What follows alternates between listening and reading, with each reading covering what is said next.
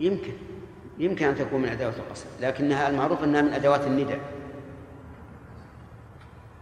نعم. شيخ صيغة قسم يمين الله وأيم الله. نعم. هذه أيضا قالوا إن إن قول الإنسان يمين الله مثل عهد الله لا أفعلن فهي بمعنى القسم. أما القسم لا يكون إلا بالصيغة التي عرفتم حروف القسم ثلاثة فقط. غيره إن جاء شيء بمعنى الالتزام أو الإلزام صار بمعنى القسم فقط. أربعة قلنا. أثبت الأخ عبد الرحمن أنها أربعة. نعم أربعة لا ما لا يا شيخ. لا الأصل ثلاثة يا شيخ. نعم لكن ما حكمنا بأن المثبت مقدم على النافي ما كان ب- بمعنى القسم لا بالقسم الصريح انحنف انحنف انحنف به يعني أي نعم.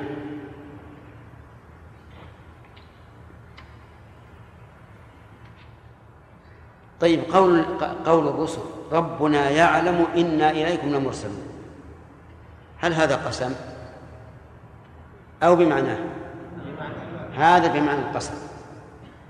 ولهذا أجيب بما يجاب به القسم إنا إليكم لمرسلون. لكن ما فيه قسم. ما قالوا والله إنا إليكم لمرسلون بل قالوا ربنا يعلم إنا إليكم لمرسلون. فإذا قال قائل يعلم الله ما فعلت كذا. فهذا حكم حكم اليمين. لكن لاحظوا أن بعض العلماء قال إن مثل هذه الصيغة على خطر عظيم إذا كذب إذا كذب بها. إذا قال يعلم الله أني ما فعلت وهو فاعل. قال هذا يقتضي أن الله جاهل بالواقع. صح ولا لا؟ إيش تقول؟ إذا يعلم الله ما فعلت كذا وأنت فاعله صار هذا يستلزم أن الله جاهل نعم ولهذا قال بعض أهل العلم إن هذه من أخطر ما يكون في باب اليمين لو قلت والله ما فعلت وأنت فاعله ما أدى هذا إلى كفر ولا صار المسألة خطيرة لكن الله يعلم أني ما فعلته وأنت فاعله. معناه أن الله جاهل بالحال. نعم. أربعة. أربعة أربعة. حسن نستمر على أربعة يا شيخ. كيف؟ قل. إيه أربعة أربعة. نعم. القصص. القصص والقص لغة تتبع الأثر وفي الاصطلاح الإخبار؟ ولا- نعم. الإخبار نعم. عندنا الأخبار والصواب كسر الهمزة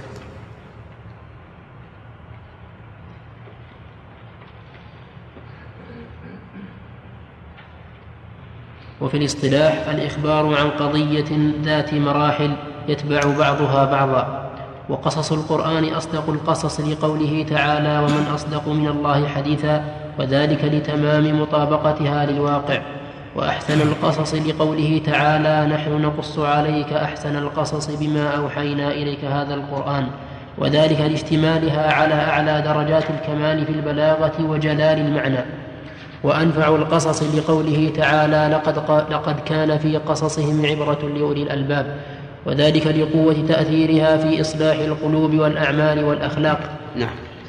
القصص في اللغة تتبع الأثر. ومنه قوله تعالى فارتدا على آثارهما قصصا.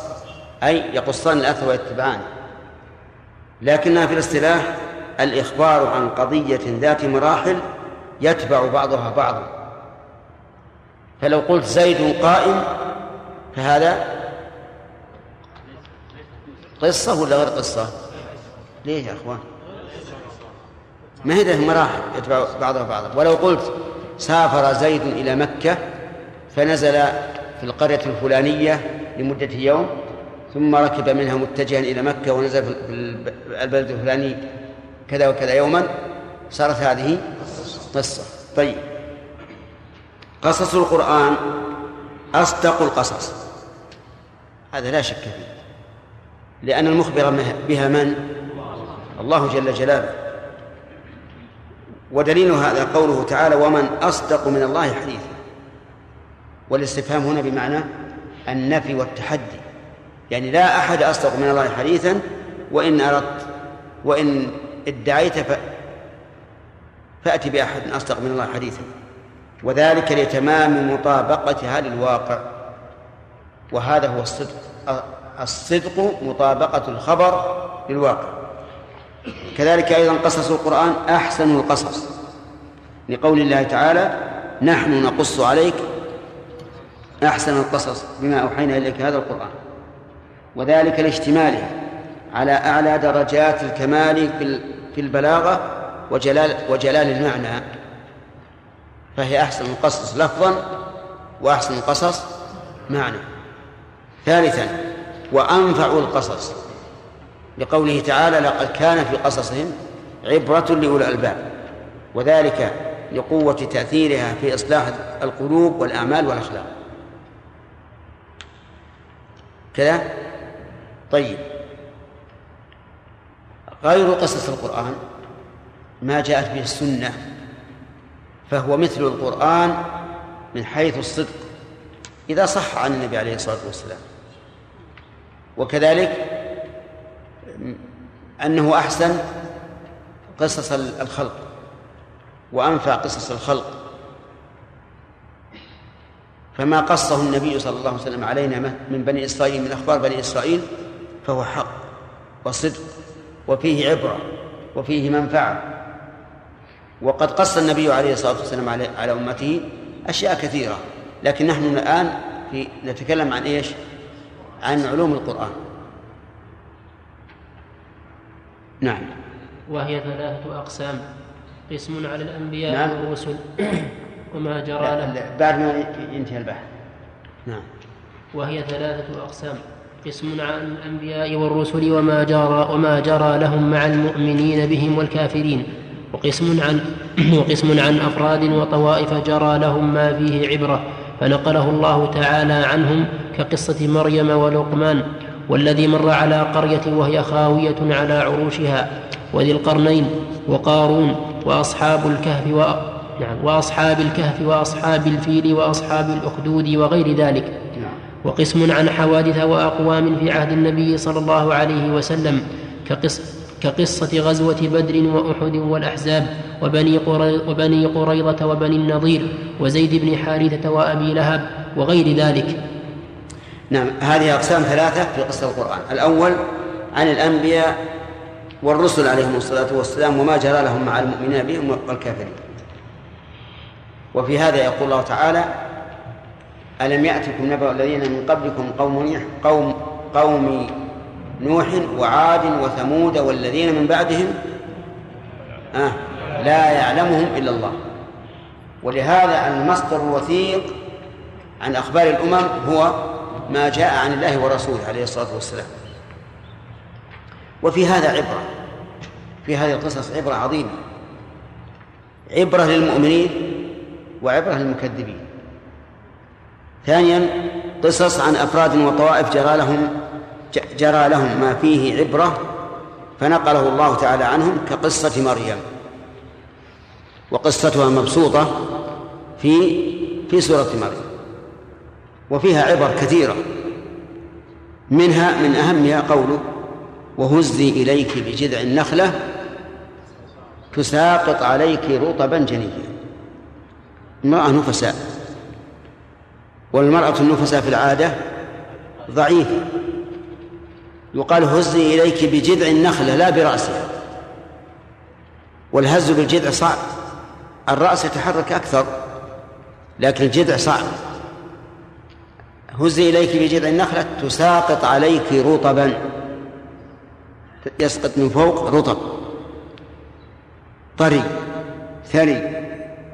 جنيا يعني لا ينفقص إذا سقط على الأرض. بل كالذي جناه الإنسان برفق. أليس هذا من آيات الله؟ عبرة عبرة من آيات الله عز وجل. يعتبر بها الإنسان على قدرة الله تبارك وتعالى. قصة لقمان أيضا مع ابنه وهو يعظه قصة عظيمة فيها فوائد. من أهمها يا بني أقم الصلاة وأمر بالمعروف وانهى عن المنكر واصبر على ما أصابك إن ذلك من عزم الأمور. ولا تصعر خدك للناس ولا تمشي في الأرض مرحا إن الله لا يحب كل مختال فخور. واقصد في مشيك واغضض من صوتك إن أنكر الأصوات إلى صوت الحمير كلها حكم. كذلك قصة الذي مر على قرية وهي خاوة على عروشها هامدة يابسة. فقال أن أحيي هذه الله بعد موتها. يعني كيف يحيي الله هذه القرية بعد أن ماتت؟ فأراه الله ذلك. أماته الله مئة عام. مئة عام السنة. نعم. ثم بعث قال كم لبثت؟ قال لبثت يوما أو بعض يوم. وهي مئة سنة. لأن الوقت يروح. إذا إذا لم تكن الروح في الجسم في الجسم حالة حلولا تاما ذهب الوقت وأنت لا تشعر. ولهذا نجد النائم تمضي عليه الساعتان والثلاث وكأنها دقيقة واحدة والمغمى عليه أشد وكذلك الغائب بالبنج يمضي عليه الوقت ما علم. الميت كذلك من باب أولى. قال لبثت يوما أو بعض يوم. لأنه لأن الله أماته في أول النهار وأحياه في آخر النهار. فقال إما يوم إن كان هذا هو اليوم الثاني من موته أو بعض يوم. قال الله له بل لبثت مائة عام. سبحان الله. مئة عام ولم يتغير الرجل. ما زاد شعره؟ ولا حصل له نمو ولا تغير ولا انتفاخ. ثم قال له قال الله له فانظر إلى طعامك وشرابك لم يتسنى أي لم يتغير. الطعام والشراب ما تغير لا باللون ولا بالريح ولا باللبوسة ما تغير. يعني وهذا من آيات الله عز وجل. شراب يكون في الشمس والهواء والليل والنهار ولم يتغير ولم يسلط عليه سبع يشرب منه. باقي كما سبحان الله. والطعام كذلك لم يتغير. وقد قيل إنه عنب وقيل غير ذلك لكن لا يهمنا. المهم حتى وإن كان عنبا أو خبزا أو غيره كيف لم يتغير؟ وانظر إلى حمارك. ولنجعلك آية للناس. وانظر إلى العظام. نظر إلى عظامه وإذا هي تلوح. شوف الحمار متغير والطعام والشراب لم يتغير سبحان الله. لأن لأن المحط الحجة في الحمار. فلا فكون الطعام لم يتغير والشراب هذا فيه قدرة على إبقاء الأمور كما كانت. وقضية الحمار فيه دليل على قدرة الله تعالى على إنشاء الأمور بعد اضمحلالها الله أكبر. الحمار نظر إلى عظامه يلوح تلوح. فقال الله له انظر إلى العظام كيف ننشزها ثم نكسوها لحما. فنظر إلى العظام يركب بعضها بعض وتشبك بالعصب تنشر بالعصب ثم تكسى اللحم ثم قام الحمار. الله أكبر. سبحان الله. كيف ننشزها؟ ثم نكسوها لحم. فلما تبين له قال أعلم أن الله على كل شيء قدير. هذه قصة يعني مما يحيي القلب ويعرف به قدرة الله سبحانه وتعالى. كذلك أيضا ذي القرنين. ذو القرنين أعطاه الله تعالى ملكا عظيما بلغ مشارق الأرض ومغاربها. وقصته مشهورة ومن أعظم ما فيها من العبر أنه أتى على قوم لا يكادون يفقهون قولا. يعني لا يكادون يفقهون هم بأنفسهم ولا يفقهون أيضا. إن كلمهم الإنسان ما فقهوا وهم أيضا إن كلموا لا يفقهون. فقالوا له إن يأجوج ومأجوج مفسدون في الأرض. فهل نجعل لك خرجا؟ يعني نعطيك دراهم على أن تجعل بيننا وبينهم سدا؟ مع أنه ملك عظيم. ظن يأخذ رشوة. هل نجعل لك خرجا على أن تجعل بيننا وبينهم سدا؟ قال لهم ما مك قال ما مكني فيه ربي خير. يعني خير مما تعطونني فأعينوني بقوة أجعل بينكم وبينهم ردما والردم أبلغ من السد. يعني ما يستطيعون في الردم. السد ربما يحاولون زحزحته. آتوني زبر الحديد. فزبروا له الحديد. وأحمى عليه في النار. حتى إذا جعله نارا قال آتوني أفرغ عليه قطرا. نحاسا فأفرغ عليه نحاسا ذائبا فتلاصق الحديد بعضه ببعض بالنحاس من يستطيع يفكر؟ نعم. فما استطاعوا أن يظهروه؟ لأنه أملس. وما استطاعوا له نقبا. قال هذا رحمة من ربي. هذه من القصص القريبة. كذلك أيضا قارون. قارون رجل غني من قوم موسى ولكنه كفر به وفخر واستعلى بما أعطاه الله من المال وبغى على قومه وآتاه من الله من الكنوز ما مفاتحه تنوء بالعصبة أي ما يستطيعون حملها.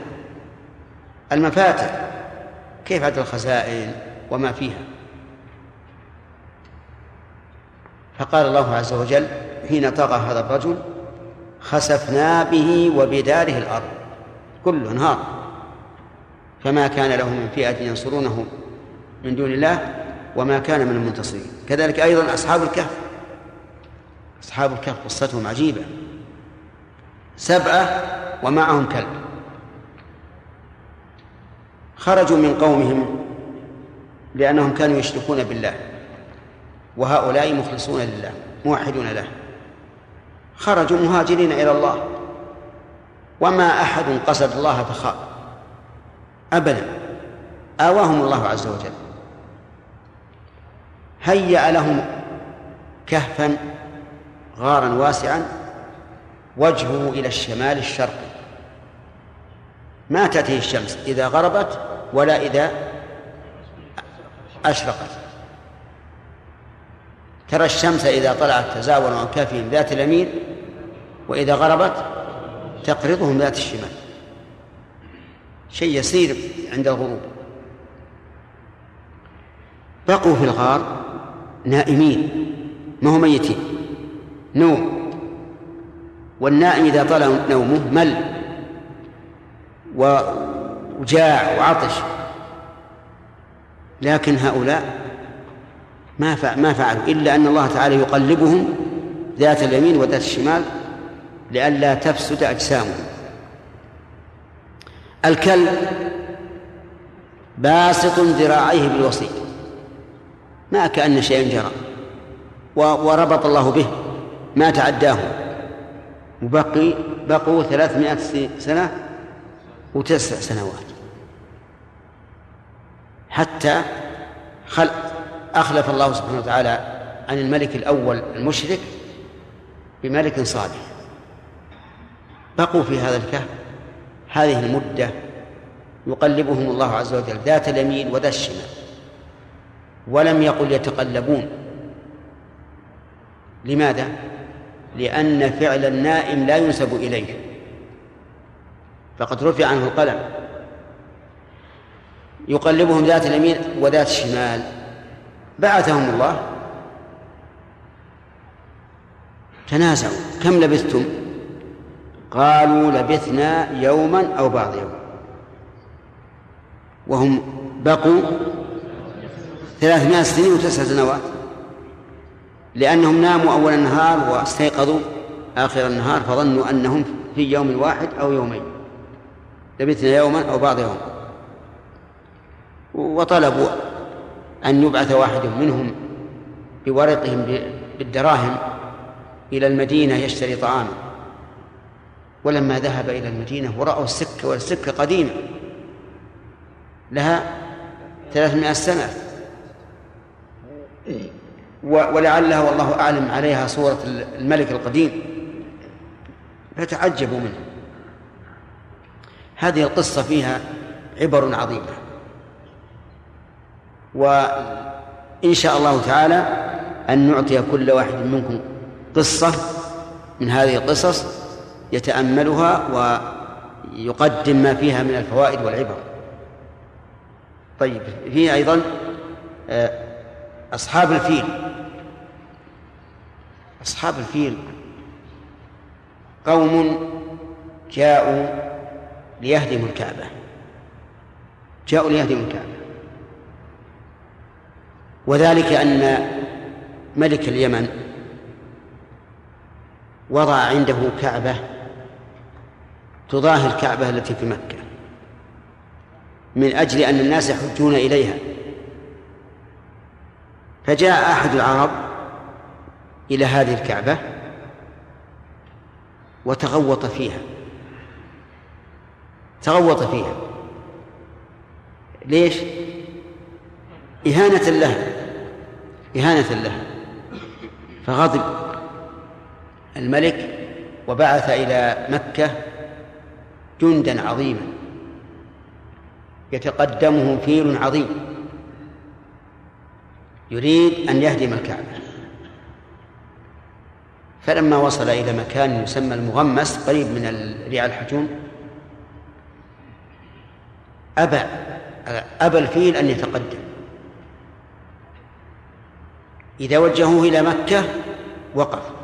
وإذا وجهوه إلى اليمن هرول. بإذن الله عز وجل. ولهذا لما بركت ناقة الرسول عليه الصلاة والسلام في في الحديبية لما بركت وأراد منها أن تقوم أبت فقال الصحابة خلأت القصوى.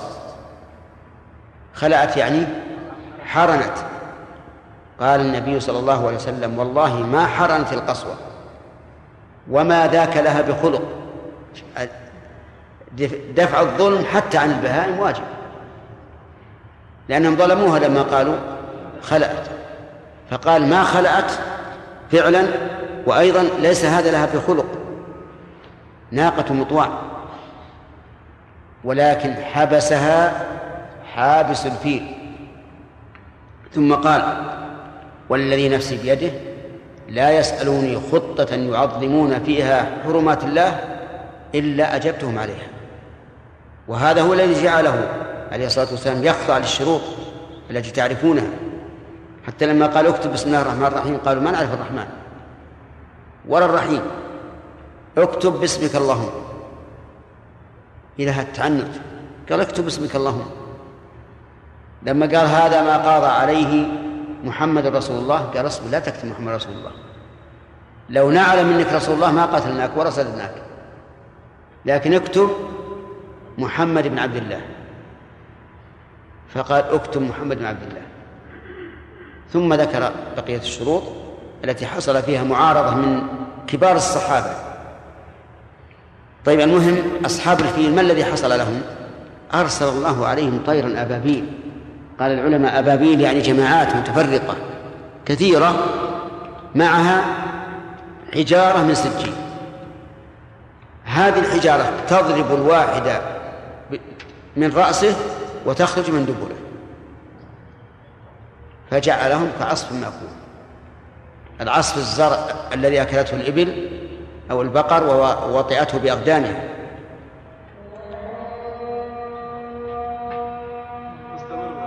نعم؟ إيش؟ إيش؟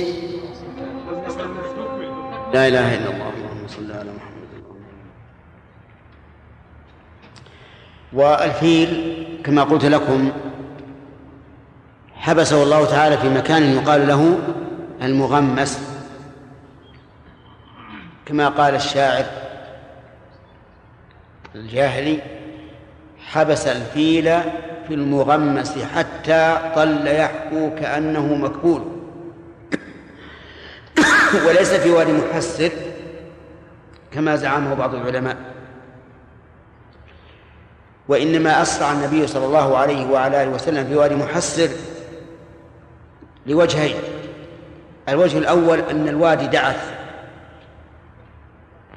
يعني يعني فيه رمل مع التراب. وهذا يجعل الإبل ترتاث في في المشي فأسرع. والثاني أن أن أهل الجاهلية كانوا يقفون في هذا الوادي ويذكرون أمجادهم وأمجاد آبائهم فأراد النبي صلى الله عليه وعلى آله وسلم أن يخالفهم فهم ينزلون والرسول يسرع أما قال وأصحاب الأخدود أصحاب الأخدود الأخدود جمع خد وهو الحفر في الأرض حفر السواقي أصحاب الأخدود قوم اعتدوا على مؤمنين بالله و... بالله عز وجل. اعتدوا عليهم هذا العدوان البشع. حاولوا منهم أن يرتدوا عن عن إيمانهم ولكنهم أبوا وصمموا على الإيمان.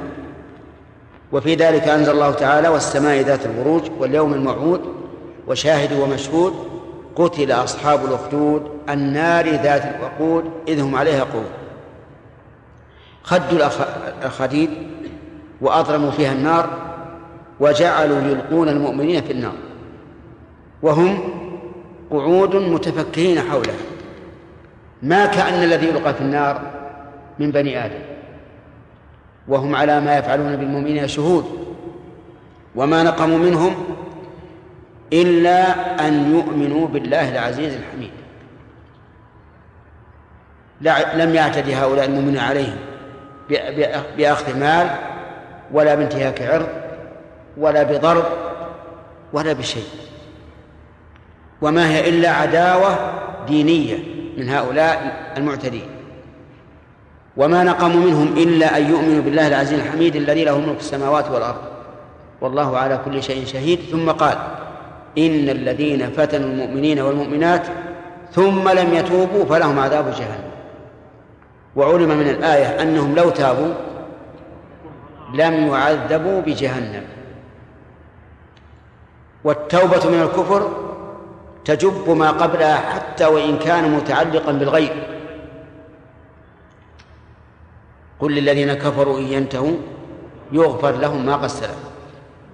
لا يقال إن هذا حق آدمي نقول إن قتل هؤلاء الكفار لهؤلاء المؤمنين ليس لكونهم آدميين بل لإيمانهم وكراهتهم للإيمان ومن يحمل الإيمان. ولهذا إذا إذا آمنوا ارتفع عنهم أثر هذا القتل. وإلا فهذه مشكلة. وهي أن بعض الناس قد يقول كيف يعفى عنهم وهم قتلوا الآدمي وحق الآدمي لا يغفر بالتوبة؟ قلنا إنهم لم يقتلوا الآدميين لأنهم آدميون ولكن لأنهم مؤمنون فهم قتلوهم لكراهة ما يحملونه من الإيمان. فلما آمنوا ارتفع عنهم الأثر وعفي عنهم كل شيء. ولهذا قال ثم لم يتوبوا فلهم عذاب جهنم.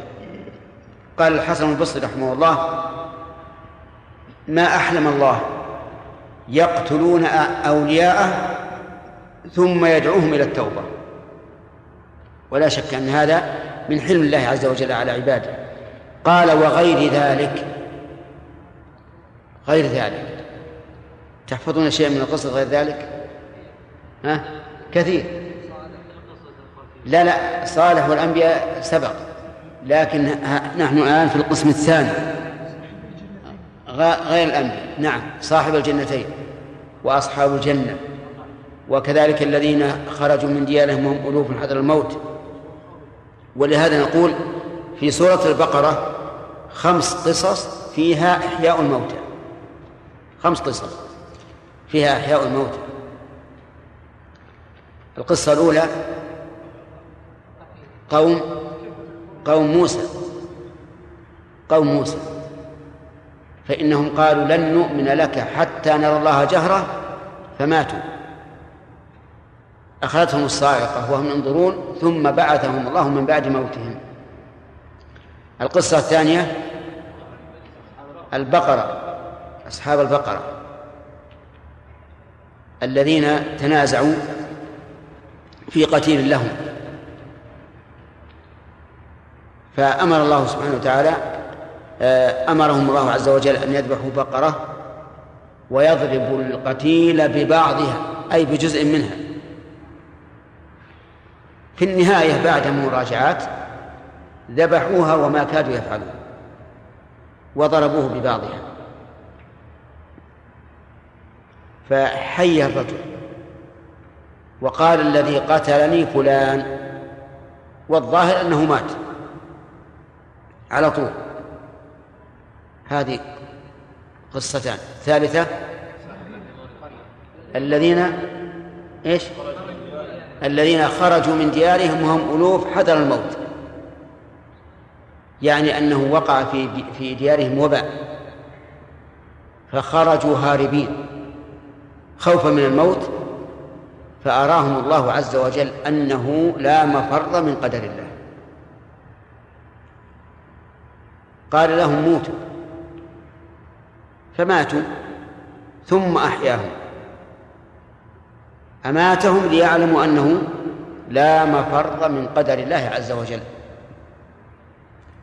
ولهذا نهى النبي صلى الله عليه وعلى آله وسلم من وقع في أرضه الطاعون نهى أن يخرج من أرضه فرارا من الطاعون. لأن هذا ينافي التوكل.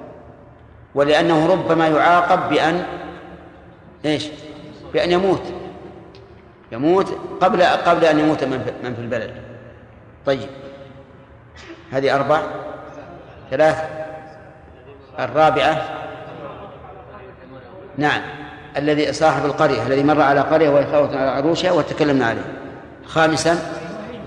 إبراهيم والطيور.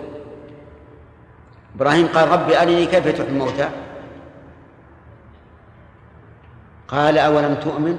قال بلى ولكن ليطمئن قلبي. والإنسان مأمور بما يزيد في إيمانه من طمأنينة القلب والثبات.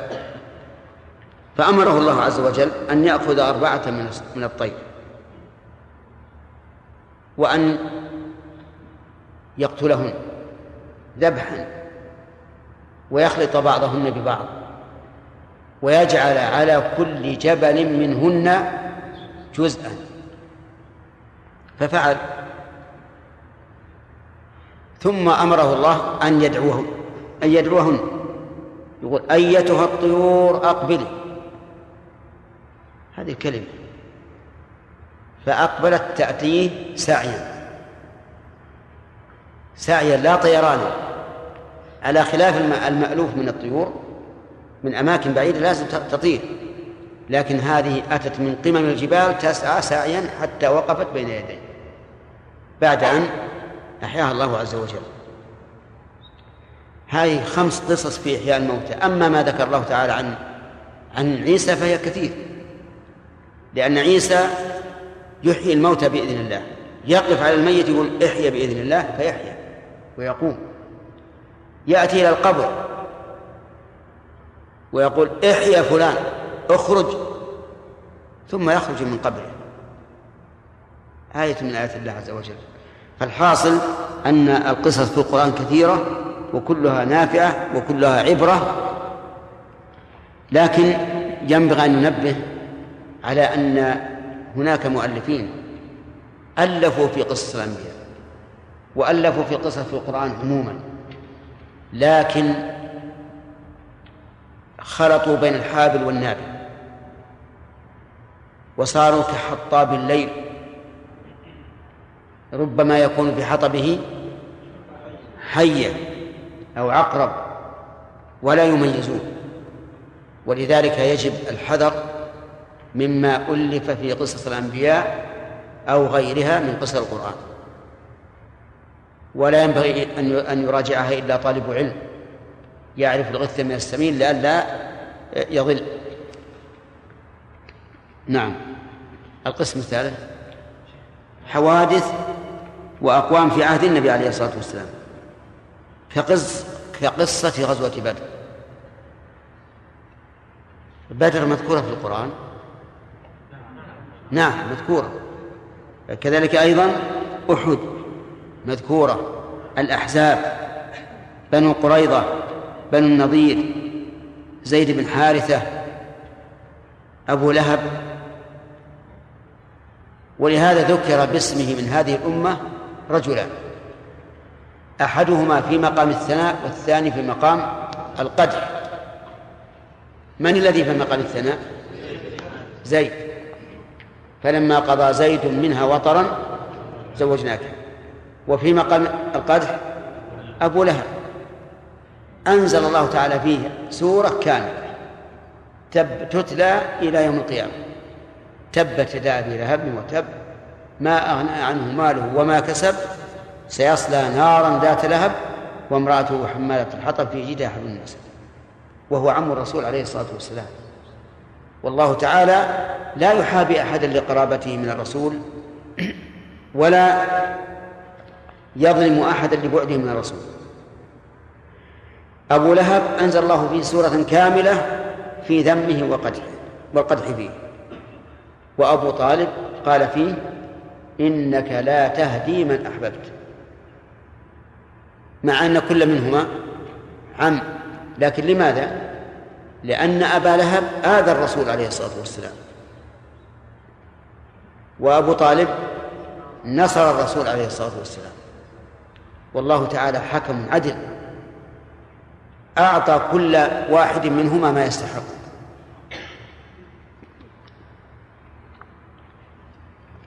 طيب هل ذكر أحد من الصحابة بوصف ينطبق عليه على وجه تام؟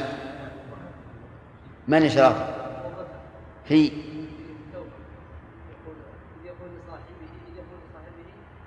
نعم. لا تحزن. نعم. هذه أجمع المفسرون على أن المراد به أبو بكر رضي الله عنه. وكذلك أيضا ربما يقال كما قاله بعض العلماء في سورة الذي إذا يغشى وما وما يغني عنه ماله إذا ثرد إن علينا للهدى وإن لنا للآخرة والأولى وسيجنبها الأتقى. فأنذرتكم نارا تلظى لا يصلاها إلا الأشقى وسيجنبها الأتقى الذي يؤتي ماله يتزكى وما لأحد عنده من نعمة تجزى إلا ابتغاء وجه ربه الأعلى ولسوف يرضى فهذه الآية نزلت في أبي بكر لكن لا يمنع أن تكون شاملة لغيره لأن العبرة بعموم اللفظ. أما إذ يقول لصاحبه فهذا وصف لا يستحقه أحد سوى أبي بكر رضي الله عنه. نعم. أيوب. شيخ ها؟ ما في سؤال؟ أي. تفضل. نعم. وللقصص في القرآن حك وللقصص في القرآن حكم كثيرة عظيمة منها أولا بيان حكمة الله تعالى فيما تضمنته هذه القصص كقوله تعالى ولقد جاءهم من الأنباء ما فيه مزدجر حكمة بالغة فما تغني النذر. ثانيا بيان عدله تعالى هذا من من فوائد القصص بيان حكمة الله عز وجل. لقوله بهذه الآية حكمة بالغة. وقوله فما تغني النذر ما يجوز أن تكون نافية يعني ما تغنيهم النذر ويجوز أن تكون استفهامية. يعني فأي شيء تغنيهم النذر. وأيهما أبلغ؟ الثاني أبلغ. نعم. ثانيا بيان عدله تعالى بعقوبة المكذبين بقوله تعالى عن المكذبين وما ظلمناهم ولكن ظلموا أنفسهم فما أغنت عنهم آلهتهم التي يدعون من دون الله من شيء لما جاء أمر ربك. نعم. هذه في سورة في سورة هود. لما ذكر الله تعالى قصة الأنبياء وإهلاك قومهم قال وما ظلمناهم ولكن ظلموا أنفسهم. فما أغنت عنهم آلهتهم التي يدعون من دون الله من شيء لما جاء أمر ربك وما زادوهم غير تبين والآية تفيد أن هناك معنى آخر غير معنى آخر غير بيان العدل وهو قوله فما أغنت عنهم آلهتهم. أي بيان أن آلهة هؤلاء المكذبين لم تغني عنهم شيئا. نعم. ثالثا بيان فضله تعالى بمثوبة المؤمنين بقوله تعالى إلا آل لوط نجيناهم بسحر نعمة من عندنا كذلك نجزي من شكر. نعم. رابعا تسلية النبي صلى الله عليه وسلم عما أصابه من المكذبين له بقوله تعالى وإن يكذبوك فقد كذب الذين من قبلهم جاءتهم رسلهم بالبينات وبالزبر وبالكتاب المنير ثم أخذت الذين كفروا فكيف كان نكير؟ المؤمنين في الإيمان بالثبات عليه والازدياد منه. طيب قولوا إلا آل إلا آل لوط نجيناهم بسحر. السحر متى؟ آخر الليل. مع أن الله تعالى قال إن موعدهم الصبح أليس الصبح بقريب؟ وكيف يجمع بين هذا وبين أن الله أنجاهم بسحر؟ الظاهر أن ذلك أن لما امتد امتدت العقوبة من السحر إلى الصباح وكان منتهى العقوبة في الصباح صار موعد إهلاكهم جميعا هو الصباح. ولكن هناك آية يقول الله تعالى فيها فأخرجنا من كان فيها من المؤمنين فما وجدنا فيها غير بيت من المسلمين. فهل هذا يعني أن الإيمان والإسلام شيء واحد؟ الجواب لا. بل هذا يدل على أن الإيمان شيء والإسلام شيء آخر. لأنه قال فأخرجنا من كان فيها من المؤمنين ولم يقل من كان فيها من المسلمين. فما وجدنا فيها غير بيت من المسلمين. وذلك أن الذين خرجوا ونجوا هم لوط وأهله إلا امرأته وامرأته كانت معهم في السكن. وكان ظاهرها أنها مسلمة كما كما قال الله تعالى امرأة نوح وامرأة لوط كانتا تحت عبدين من عبادنا صالحين فخانتاهما أي خانتاهما بالكفر. ولوط لم يعلم عنها. لكنها في في وسط الدار مسلمة لم يظهر منها معارض. ولهذا ليس في القرية سوى بيت من المسلمين. والذي نجا من؟ وخرج هم المؤمنون لأن المرأة لم تخرج. نعم. رابعا تسليم. ها؟ انتهى؟ لا ما تسلية النبي ها؟ ما فيه تغير النظام ما هو بالأسئلة يقول إذا انتهى. لعلنا نتنازل معهم أيضا. نقول إذا انتهى الموضوع أو جاء وقت الأسئلة. طيب. ما يستقيم يا شيخ. كيف ما يستقيم؟ العوض والمعوض. نعم. لا يجمع بين العوض والمعوض. ولو كرم أليس النبي رد دراهم جابر إليه؟ كما ترى. جمله إليه؟ فجمع له بين العوض والمعوض. باب الكرم واسع يعني. هذه الليلة أخرج نعم. إيش؟ يذكر أهل العلم أن ابن كثير رحمه الله ها؟ من المحدثين يعني يوحف الحديث. فهل ما يذكره في تفسيره؟ مقبل من حيث الجملة. كيف؟ أعد أعد. ابن كثير رحمه الله من المحدثين. نعم. يعني المحدثين. نعم هل ما يذكر في تفسيره هذه القصص هذه يا شيخ يعلقها في القصص قصص القران هو رحمه الله غالب القصص يعلق عليها. الغالب يعلق عليها. ولكن أحيانا يغفلها رحمه الله. كلها سواء من النقول أو من آثار أو من أو, أو من كلام العلماء. هو كما تعرف يذكر السند. لكن أحيانا يعلق عليه وأحيانا لا يعلق. وحتى الإسرائيليات التي يذكرها وهي قليلة أحيانا يعلق عليها وأحيانا لا يعلق. ها؟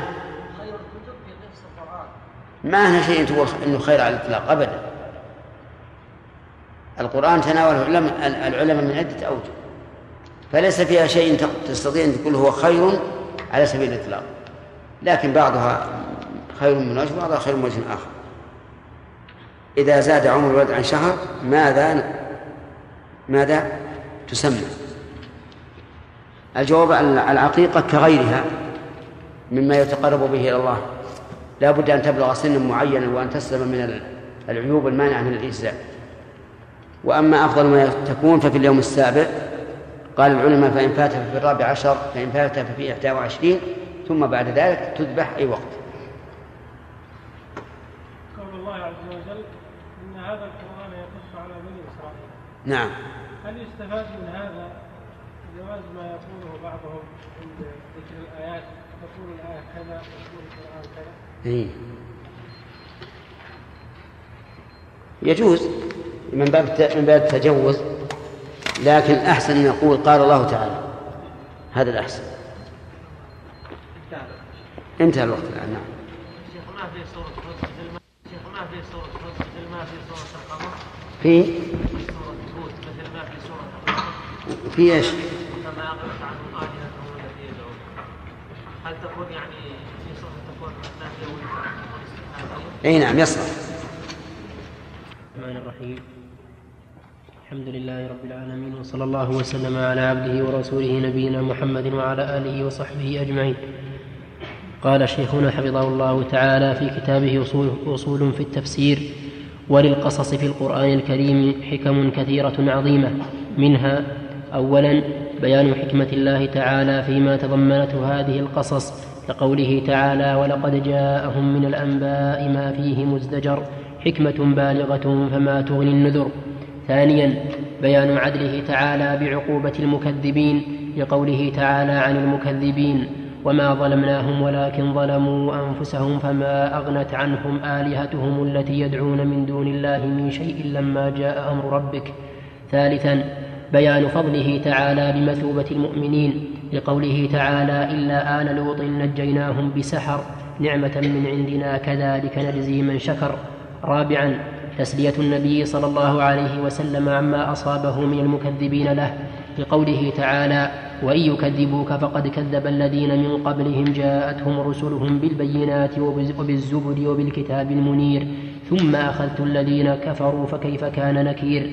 خامسا ترغيب المؤمنين في الإيمان بالثبات عليه والازدياد منه إذ علموا نجاة المؤمنين السابقين وانتصار من أمروا بالجهاد لقوله تعالى فاستجبنا له ونجيناه من الغم وكذلك ننجي المؤمنين وقوله ولقد أرسلنا من قبلك رسلا إلى قومهم فجاءوهم بالبينات فانتقمنا من الذين أجرموا وكان حقا علينا نصر المؤمنين سادسا تحذير الكافرين من الاستمرار في كفرهم لقوله تعالى أولم يسيروا في الأرض فينظروا كيف كان عاقبة الذين من قبلهم دمر الله عليهم وللكافرين أمثالها.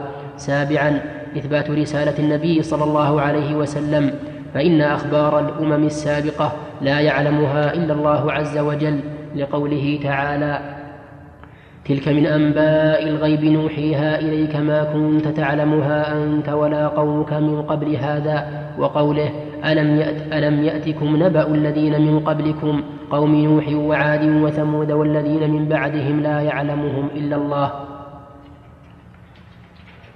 بسم الله الرحمن الرحيم. هذه فوائد فوائد القصص في القرآن. وهي كثيرة نذكر منها ما يلي. أولا بيان حكمة الله تعالى فيما تضمنته هذه القصص. دليل ذلك قوله تعالى ولقد جاءهم من الأنباء ما فيه مزدجر حكمة بالغة فما النذر. ثم ذكر الله عز وجل قصص الأنبياء في هذه السورة. ثانيا بيان عدله جل وعلا بعقوبة المكذبين لقول الله تعالى لقول الله تعالى عن, عن المكذبين وما ظلمناهم ولكن ظلموا أنفسهم فما أغنت عنهم آلهتهم التي يدعون من دون الله من شيء لما جاء أمر ربك. لأننا إذا تتبعنا هذه القصص ووجدنا أن الله سبحانه وتعالى انتقم من الظالمين لأي شيء؟ لظلمه. ولهذا قال وما ظلمناهم ولكن ظلموا أنفسهم. فيتبين بذلك كمال عدل الله سبحانه وتعالى. ثالثا بيان فضله بمثوبة المؤمنين. لقول الله تعالى إلا آل لوط نجيناهم بسحر نعمة من عندنا كذلك نجزي من شكر. والرابع تسلية النبي صلى الله عليه وعلى آله وسلم عما أصابه من المكذبين له. وذلك أن النبي صلى الله عليه وسلم يضيق صدره بما يقولون وما يكذبونه لأنه يحب عليه الصلاة والسلام من جميع الناس أن يؤمنوا ولكنه يقابل من قومه وهم أقرب الناس إليه بالتكذيب والإهانة والأذية ولا شك أنه سوف يتأذى بهذا. ولكن الله تعالى يسليه بذكر أخبار الأمم السابقة. يقول عز وجل وإن يكذبوك فقد كذب الذين من قبلهم. جاءتهم رسلهم بالبينات وبالزبر وبالكتاب المنير. البينات يعني بالآيات البينات. الزبر جمع زبور وهو الكتاب والكتاب المنير إما إنه من عطف المرادف على مرادفه كقوله فألفى قولها كذبا ومينا. ويكون الفائدة من من العطف تظهر في قوله المنير يعني الكتب التي تنير للناس طريق الهداية. ثم أخذت الذين كفروا فكيف كان نكير؟ ولا شك أن النبي صلى الله عليه وعلى آله وسلم سوف يتسلى بهذا ويتصبر. ولهذا تقول الخنسة وهي تتحدث عن مصيبتها بأخيها صخر. تقول وما يبكون مثل أخي ولكن أسلي النفس عنه بالتأسي أتأسى بالناس وأقول هؤلاء يصيبوا أيضا بإخوانهم وآبائهم وأقاربهم فتتسلى. وقد أشار الله إلى هذا في قوله ولن ينفعكم اليوم إذ ظلمتم أنكم في العذاب مشتركون وهذا يدل على أن اشتراك الناس في العذاب يخفف عليهم لكن في يوم القيامة لا ينفع هؤلاء اشتراكهم في العذاب. خامسا ترغيب المؤمنين في الإيمان بالثبات عليه والازدياد منه إذا علموا نجاة المؤمنين السابقين. وانتصار من أمروا بالجهاد لقول الله تعالى فاستجبنا له ونجيناه من الغم وكذلك ننجي المؤمنين. فإن المؤمنين إذا علموا أن الله ينصر من سبق وأنه يثيبهم فإنهم سوف ينشطون على ما هم عليه من الإيمان ويثبتون عليه. وقوله ولقد أرسلنا من قبلك رسلنا إلى قومهم فجاءوهم بالبينات فانتقمنا من الذين أجرموا. وكان حقا علينا ننجي المؤمن نصر المؤمنين. الشاهد من هذا قوله؟ وكان حقا علينا نصر المؤمنين. أوجب الله عز وجل على نفسه أن ينصر المؤمنين. ولكن من هم المؤمنون؟ هل هم هل هم المؤمنون بالاسم أو بالحقيقة؟ الثاني هم المؤمنون بالحقيقة الذين صدقوا المرسلين واتبعوا المرسلين. فإن هؤلاء لا بد أن ينصروا لأن الله تكفل بذلك في قوله وكان حقا علينا نصر المؤمنين وفي قوله تعالى فانتقمنا من الذين أجرموا إثبات صفة الانتقام لله عز وجل وأنه ينتقم لكن ممن؟ من المجرمين. وهذه الصفة لا تقال على سبيل الإطلاق لم ترد إلا مقيدة. ولهذا نقول إن عدها من الأسماء الحسنى غلط كما يوجد الآن في بعض الكتب التي تعد أسماء الله الحسنى يقولون من أسمائه المنتقم وليس كذلك لأن المنتقم لم ترد من أسماء الله على وجه الإطلاق بل مقيدة إنا من المجرمين منتقمون فانتقمنا من الذين أجرموا. سادسا تحذير الكافرين من من الاستمرار في كفرهم. أو كقول لقوله تعالى أولم يسيروا في الأرض فينظروا كيف كان عاقبة الذين من قبلهم دمر الله عليهم. إلى الآن لم يصل الشاهد في الآية. الشاهد قوله وللكافرين أمثالها. يعني فاحذروا أيها الكفار أن يصيبكم مثل ما أصاب مثل ما أصاب هؤلاء من التدمير. ولكن نقول لقد أسمعت لو ناديت حيا ولكن لا حياة لمن تنادي. كما قال الله عز وجل إنك لا تسمع الموتى ولا تسمع الصم الدعاء إذا ولوا مدبرين وما أنت بهادي العمي عن ضلالتهم. سابعا إثبات رسالة النبي صلى الله عليه وعلى آله وسلم. فإن أخبار الأمم السابقة لا يعلمها إلا الله عز وجل. لقول الله تعالى تلك من أنباء الغيب نوحيها إليك. ما كنت تعلمها أنت ولا قومك من قبل هذا. فإذا قص النبي عليه الصلاة والسلام قصص على الوجه المطابق دل ذلك على على أنه رسول الله. لأنه صلى الله عليه وسلم كان أميا. لا يقرأ ولا يكتب ولا يتلقى الأخبار. فإذا أتى بأخبار من سبق دل على أنه يوحى إليه وأن هذا من الله. وكقوله تعالى ألم يأتكم نبأ الذين من قبلكم قوم نوح وعاد وثمود والذين من بعدهم بعده لا يعلمهم إلا الله فإذا تحدث النبي صلى الله عليه وعلى آله وسلم عنهم علم أن ذلك عن طريق الوحي. هذه ستة ست فوائد سبع فوائد لقصص القرآن وربما يظهر فوائد أخرى للمتأمل. نعم. بارك الله فيك. قوله تعالى واتنا داود زبورا الكتاب هذا من اسم كتاب أصلها الز- الزبر هي الكتب. إن كنت لا نعم. إن كنت لا, لا, تعلمون فاسألوا أهل الذكر إن كنتم لا تعلمون بالبينات والزبر نعم. كل كتاب يسمى زبور. لكن قد يطلق هذا الاسم على شيء شخص على شيء معين. نعم. عليك وكان حقا علينا نصر وين الخبر خبر كان يعني أي نعم. حقا علينا حقا هذه خبرها مقدم. ونصر اسمها مؤخر والتقدير وكان نصر المؤمنين حقا علينا نعم أحيانا ترد في ال- في القصص أحكام كمثل ولا تقولن لشيء إني فاعل ذلك غدا إما أن يشاء الله واذكر ربك إذا نسيت فلا يهديني ربي لأكون من هذا رشدا فهل إذا نسي أحدنا يشرع له أو يسن له أن يقول هذه العبارة إيش هو؟ عسى أن يهدي لا إله إلا الله عسى أن يهديني ربي لأكون من هذا ما أدري. تحتاج إلى إلى نظر.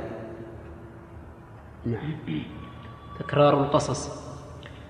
من القصص القرآنية ما لا يأتي إلا ما لا يأتي إلا مرة واحدة.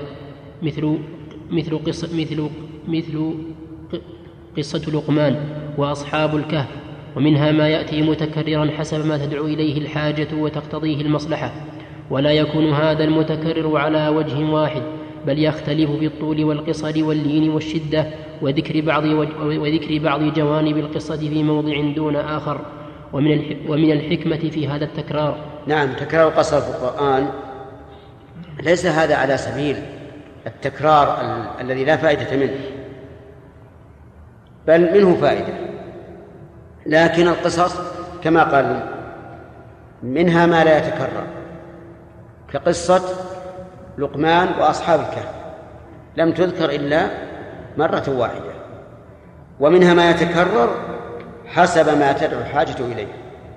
ولهذا كان أكثر القصص تكرارا إيش؟ قصة قصة موسى.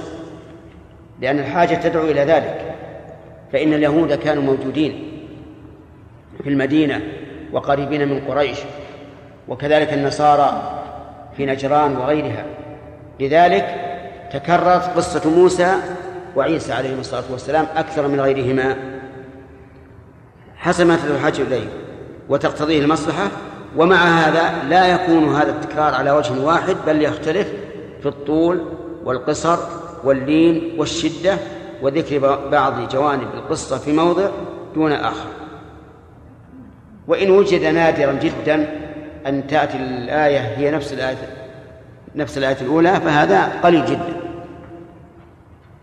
فمثلا نجد من أقصر القصص وأشدها ما جاء في سورة القمر. فإن القصص قصيرة جدا لكن فيها قوارع عظيمة.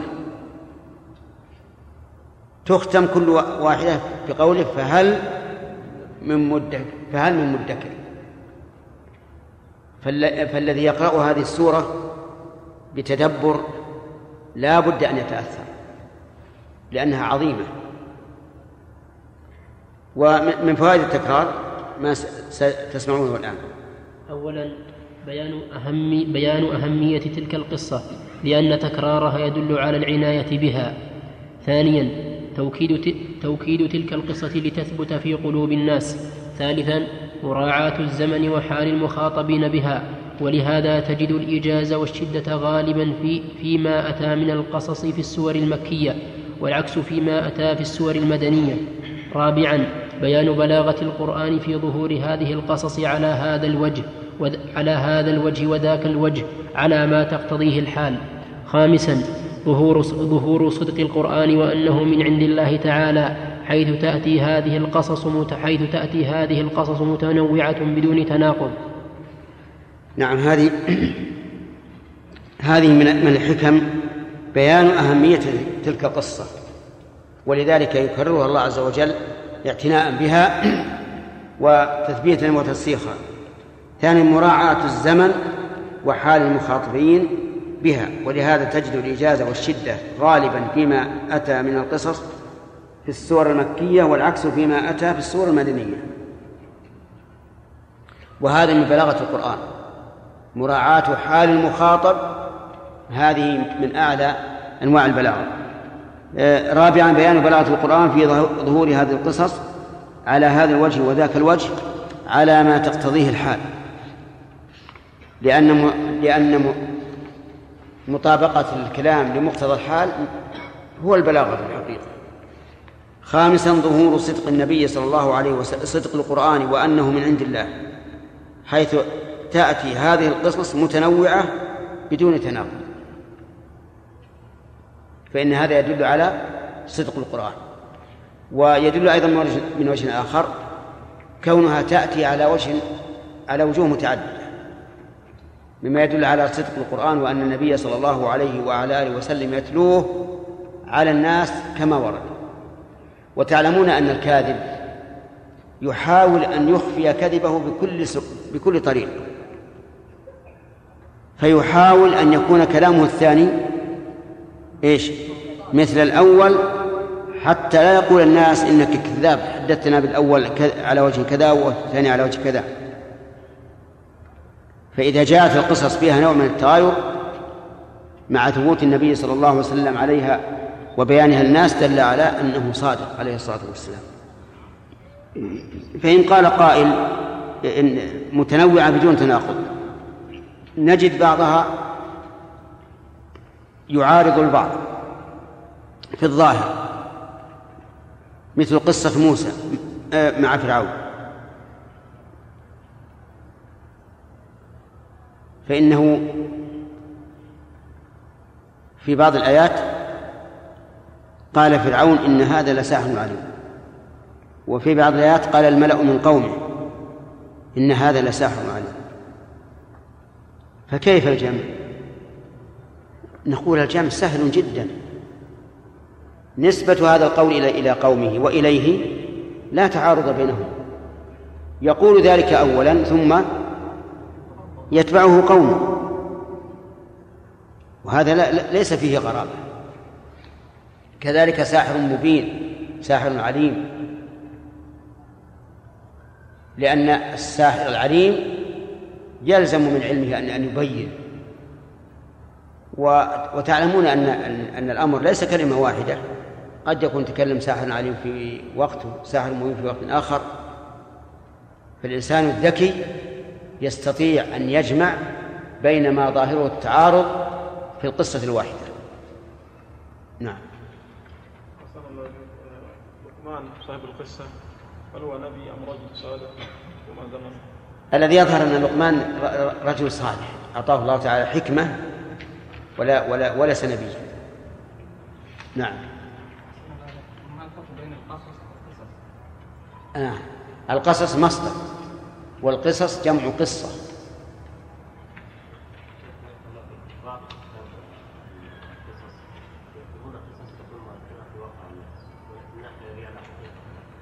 ولكن إيه.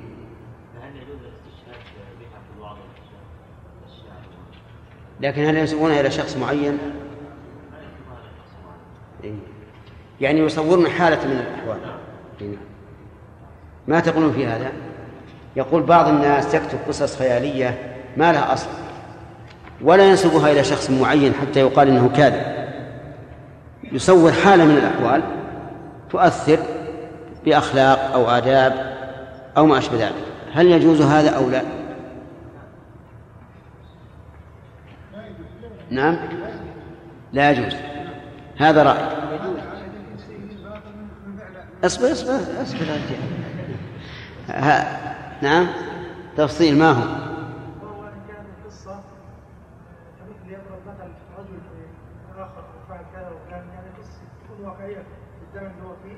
هذا لا بأس لا هو ما تك... ما تكلم عن رجل. هو ما يتكلم عن رجل.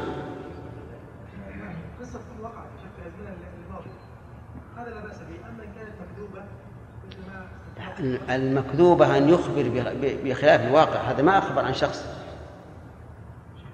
هذا صور حالة من الأحوال. نعم. ليبين بها حكم مسألة من المسائل أو يحث عليها أو ما أشبه ذلك. إيش؟ جائزه نعم. اذا لم ينص على أحد معين نعم. ذكرنا في الدرس أن بعض أهل العلم قال في مثل قوله تعالى واضرب لهم مثلا أنها لم تقع. نعم. هذا الباب. شيخ الله. شيخ لو كانت لغوا وكانت ثرثرة فاضية ينبغي تركها. ولو كانت هادفة يعني تعلم ولو ما كانت واقعة فهذا يعني من أجل من أجل الغرض والمصلحة يعني لا بأس به. إيه. هذا يقول إذا كان ثرثرة كالأملاغ ما في فائدة فهذا ينبغي تركه ولم يلزم بالتحريم. وإن كانت هادفة وفيها مصلحة فلا بأس. على كل حال في ظني أنكم سوف تختلفون وسوف يأتي كل واحد من رأسه من رأسه بتفصيل. ولهذا نرجع الكلام عليه إن شاء الله إلى إلى القابلة إلى القابلة. وأنتم أيضا خمروها في رؤوسكم. وانظروا ونحن الآن متفقون على أنه إن نسبها إلى شخص معين وهو كاذب هذا حرام ما في إشكال. ولكن إذا قالها على سبيل أن شيئا ما حدث. وتعلمون الرسول يضرب أمثالا كثيرة في في شيء لم يقع لكن كلنا يتصور وكل يعرف. نعم. ثلاثة؟ الإسرائيليات. الإسرائيليات الأخبار المنقولة عن بني إسرائيل من اليهود وهو الأكثر أو من النصارى وتنقسم هذه الأخبار إلى ثلاثة أنواع. الأول ما أقره الإسلام وشهد بصدقه فهو حق. مثاله ما رواه البخاري وغيره عن ابن مسعود رضي الله عنه قال جاء حبر من الأحبار إلى رسول الله صلى الله عليه وسلم فقال يا محمد إنا نجد أن الله إنا نجد أن الله يجعل السماوات على إصبع والأراضين على إصبع والشجر على إصبع والماء والثرى على إصبع وسائر الخلائق على إصبع. فيقول أنا الملك. فضحك النبي صلى الله عليه وسلم حتى بدت نواجذه تصديقا لقول الحبر. ثم قرأ رسول الله صلى الله عليه وسلم وما قدر الله حق قدره والأرض جميعا قبضته يوم القيامة والسماوات مطويات بيمينه سبحانه وتعالى عما يشركون. الإسرائيليات من القصص ويجب الحذر منها خصوصا إذا كانت تتضمن عيبا أو لمزا لأحد الأنبياء مثل قصة سليمان وقصة داود وما أشبه ذلك كما سنذكر إن شاء الله. القصص في القرآن آه، نعم الإسرائيليات تنقسم إلى ثلاثة أقسام. الأول ما أقره الإسلام وشهد بصدقه فهذا حق. حق لأنه عن بني إسرائيل ولا حق لأن الإسلام أقره وشهد بصدقه الثاني الثاني مثاله ما رواه البخاري وغيره عن ابن مسعود رضي الله عنه قال جاء حبر من الأحبار إلى رسول الله. حبر ويقال حبر وكلاهما صحيح والحبر هو العالم. فقال يا محمد إنا نجد أن الله يجعل السماوات على أسفل يقول يا محمد ما يقول يا رسول الله؟ لأنه يهودي. لا يقر برسالة محمد عليه الصلاة والسلام. إنا نجد أن الله يجعل السماوات على إصبع ولا إصبع؟ نعم. يجوز؟ فتح الهمزة وكسر الباء. أصبع. يجوز؟ إيه. هذه إصبع ما حد يغلط فيها أبد. اللهم إلا كان في من, ناحية الإعراب. وإلا من ناحية الصرف ما حد يغلط فيها. لأنها مثلثة الهمزة والباء. والصاد ساكن على كل حال. ولهذا جمعت لغاتها في بيت. نعم. بل في شطر. في شطر بيت. في قول الشاعر أو في قول الناظم وهمز أنملة ثلث وثالثه. همز أنملة ثلث وثالثه التسع في إصبع واختم بأسبوع التسع تسع لغات في إصبع واختم بأسبوع عبد القادر استمع. وهمز أنملة ثلث وثالثه. التسع في إصبع واختم بأسبوع المرة الثالثة وهمز أنملة ثلث وثالثه التسع في إصبع واختم بأسبوع إيش؟ إيش يقول؟ يقول هذا جاء من القمر ما فهمت منه شيء هذا إيش؟ أظنه جاء من القمر جاء من القمر؟ لا أبدا. الناظم من أهل الأرض. طيب من حفظه؟ ممن لم يحفظه سابقا. تفضل.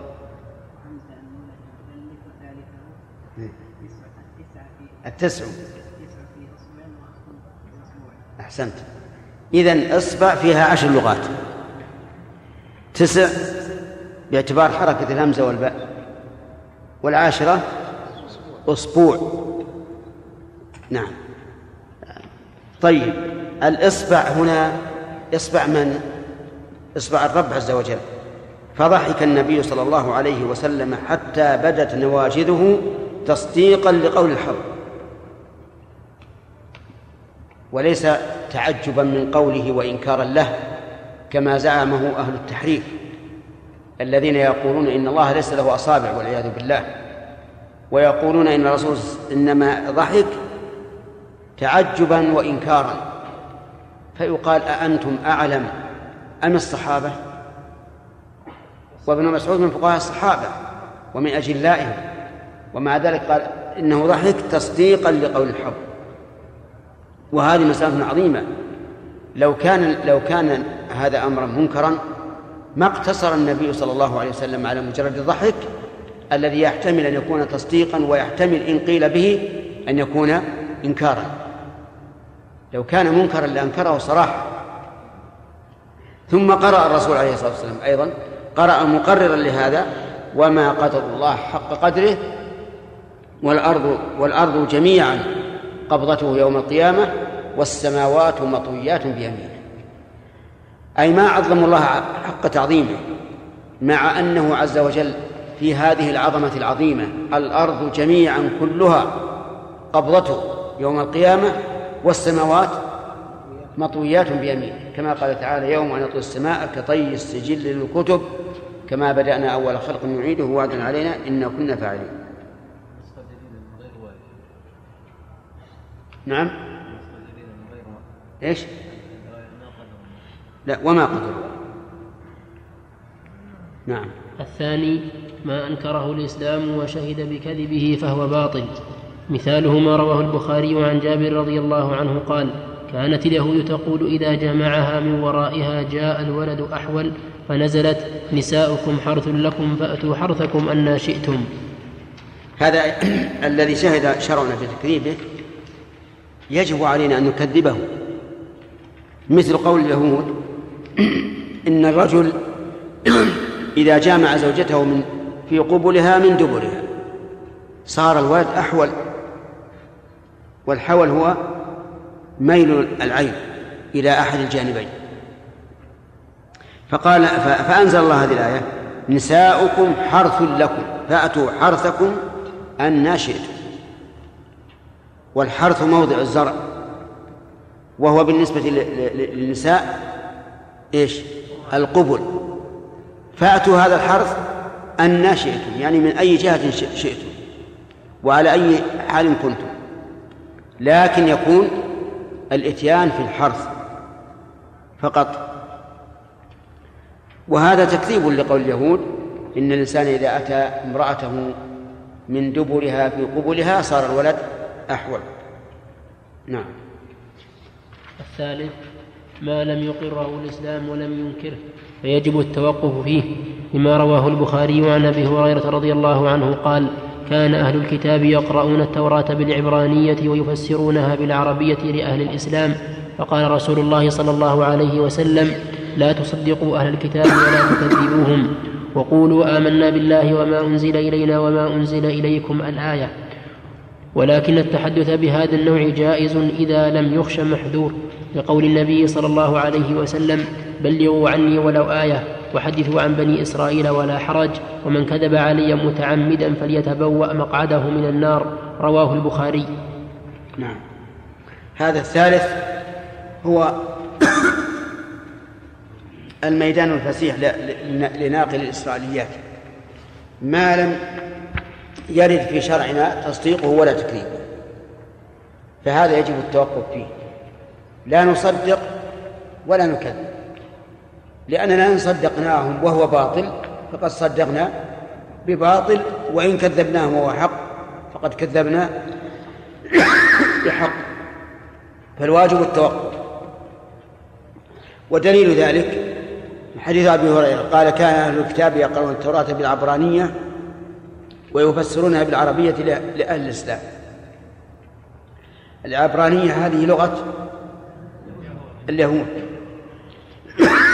قال شيخ الإسلام وهي قريبة من اللغة العربية.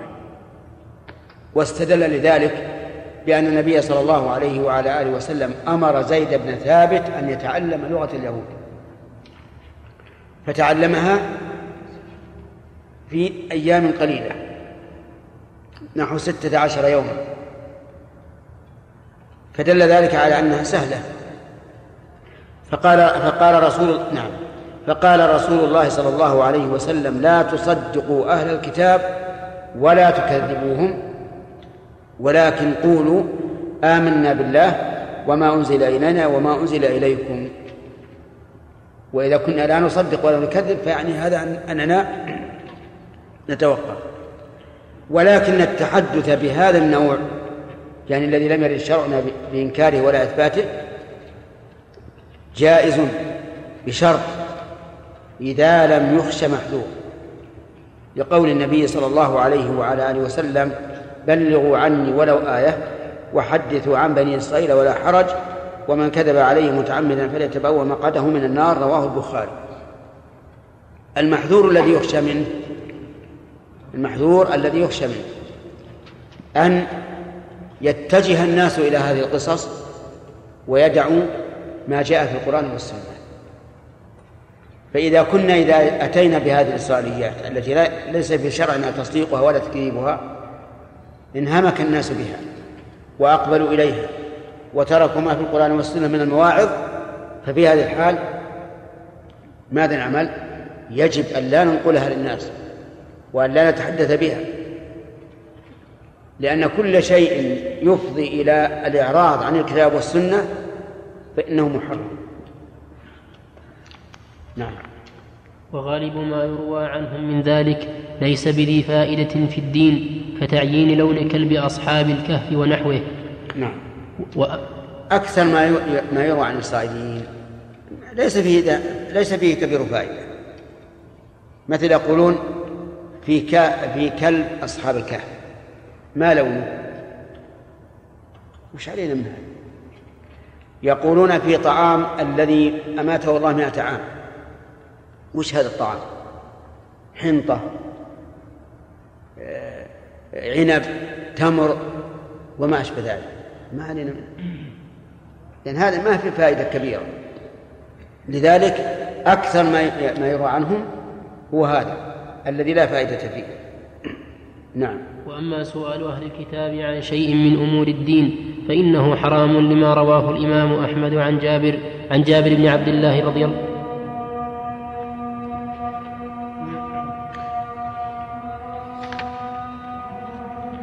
نكمل البحث هذا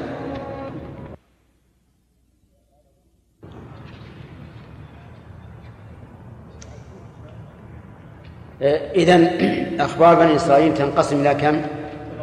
ثلاثة أقسام ما شهد شرعنا بصدقه وما شه- شهد شرعنا بكذبه وما لم يشهد شرعنا بكذبه ولا صدقه الأول إيش؟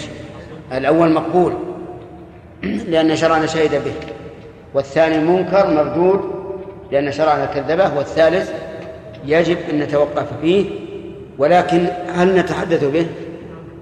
نعم بشرط. إيش؟ أن لا يكون في ذلك محذور شرعي. وأما؟ وأما سؤال أهل الكتاب عن شيء من أمور الدين فإنه حرام لما رواه الإمام طيب، آه، أحمد. نعم. الغالب ما يروى عنه ليس مثل تعيين لون الكلب أصحاب الكهف. وذكرنا مثال آخر. الذي أماته الله مئة عام ما نوع طعام. آه، أيضا من ذلك الشجرة. التي نهى الله تعالى آدم وحواء أن يأكل منها. ما هي؟ أي شجرة هذه؟ لا, لا فائدة من ذلك. إيه نعم. وأما سؤال أهل الكتاب عن شيء من أمور الدين فإنه حرام لما رواه الإمام أحمد عن جابر بن عبد الله رضي الله عنه. كذا يا شيخ. نعم. رضي الله عنه. ها؟ رضي الله عنه. عنه؟ إيه، عندي عنه. والمعروف أنه إذا كان ابوه أبوه مسلما قيل رضي الله عنهما وهذا أحسن. لو عدلتموه كان أحسن.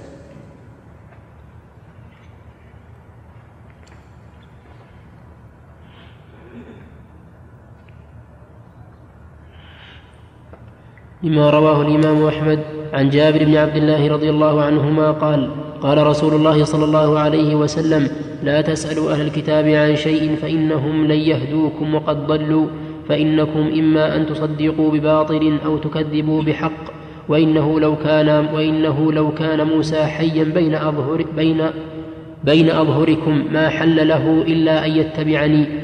وروى البخاري عن عبد الله بن عباس رضي الله عنهما أنه قال يا معشر المسلمين كيف تسألون أهل الكتاب عن شيء وكتابكم الذي أنزل الله على نبيكم صلى الله عليه وسلم؟ وكتابكم الذي وكتابكم الذي أنزل الله على نبيكم صلى الله عليه وسلم أحدث الأخبار بالله محضا لم يشب وقد ح- بالله. أحدث؟ أحدث الأخبار بالله. أحدث الأخبار بالله محضا لم يشب وقد حدثكم الله وقد حدثكم الله أن أهل الكتاب قد بدلوا من كتاب الله وغيروا.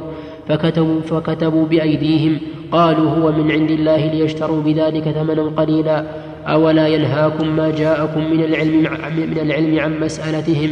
فلا والله ما رأينا رجلا منهم يسألكم عن الذي أنزل إليكم. رضي الله عنه. هذا كلام جيد جزم وبه نعرف أن ما يذكره علماء الحديث في المصطلح أن ابن عباس ممن عرف بالأخذ عن بني إسرائيل أنه لا صحة له لأنه كيف يأخذ عن بني إسرائيل وهو ينهى عن الأخذ منهم؟ فهو يقول كيف تسألون عن الكتاب عن شيء وكتابكم الذي أنزله الله على نبيكم أحدث الأخبار عن الله؟ لأنه آخر ما ما نزل. محضا لم يشب يعني ما بدل ولا غير ولا زيد فيه ولا نقص منه. وقد حدثكم الله أن أهل الكتاب قد بدلوا من كتاب الله وغيروا فكتبوا بأيديهم وقالوا هذا من عند الله. عندكم قالوا ولا؟ نعم شوف الأصل.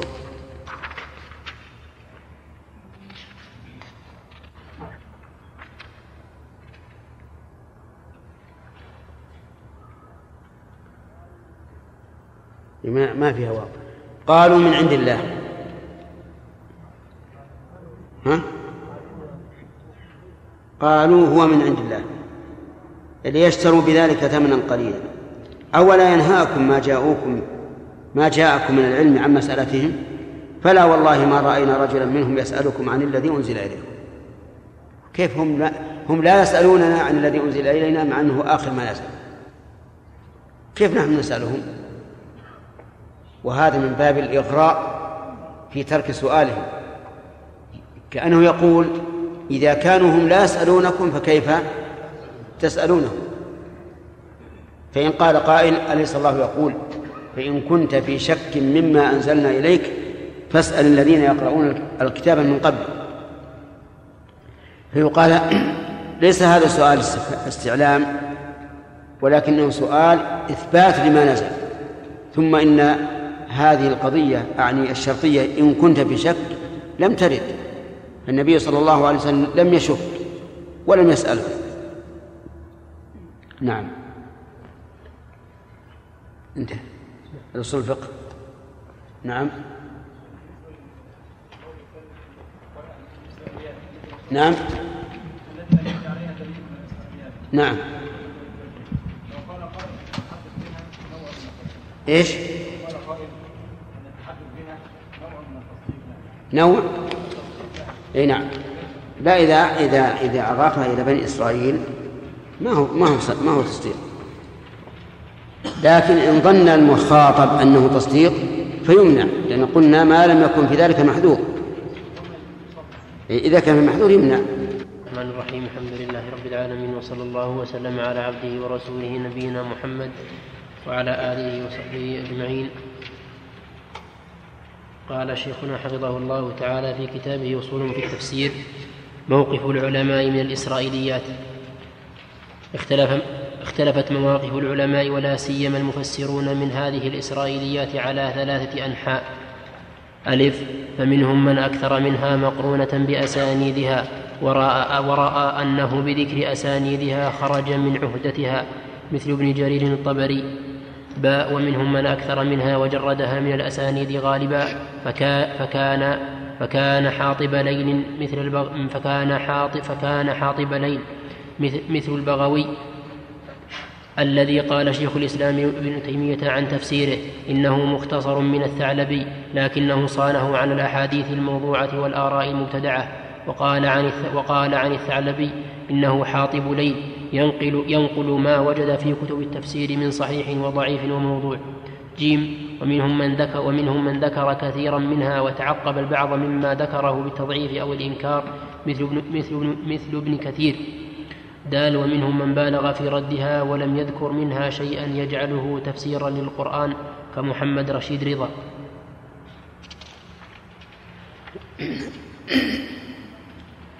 قوله موقف العلماء من الإسرائيليات. هذا هذا قد علم مما سبق أن الإسرائيليات تنقسم إلى ذات أقسام. قسم شهد شرعنا بصدقه فهذا يصدق لأن شرعنا شهد به والثاني شهد بخلافه فهذا لا يصدق. والثالث لم يرد شرعنا بنفيه ولا إثباته فهذا يتوقف فيه.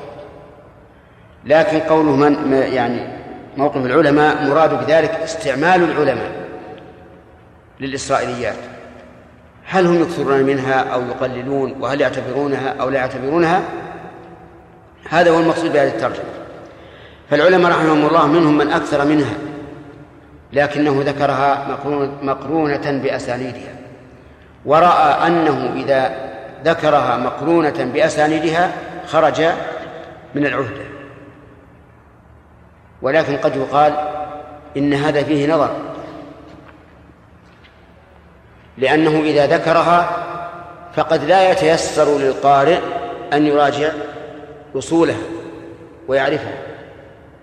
ولكن يعتذر عن ابن جرير وأشباهه يعتذر عنهم أنهم والله أعلم لم يكن لهم فراغ في تمحيصها وتحريرها وخافوا من ضياع الصحيح منها. فقالوا نثبتها ولعل الله يأتي بمن ينقحها ويحررها. والثاني القسم الثاني من أكثر منها وجردها من من من الأسانيد غالبا. وهذا أقل رتبة من الأول لأن الأول يذكر الأسانيد وبإمكان الإنسان أن يراجعها ويعرف الصحيح من الضعيف لكن هذا لا يذكر الأسانيد. فكان حاطب ليل مثل البغو.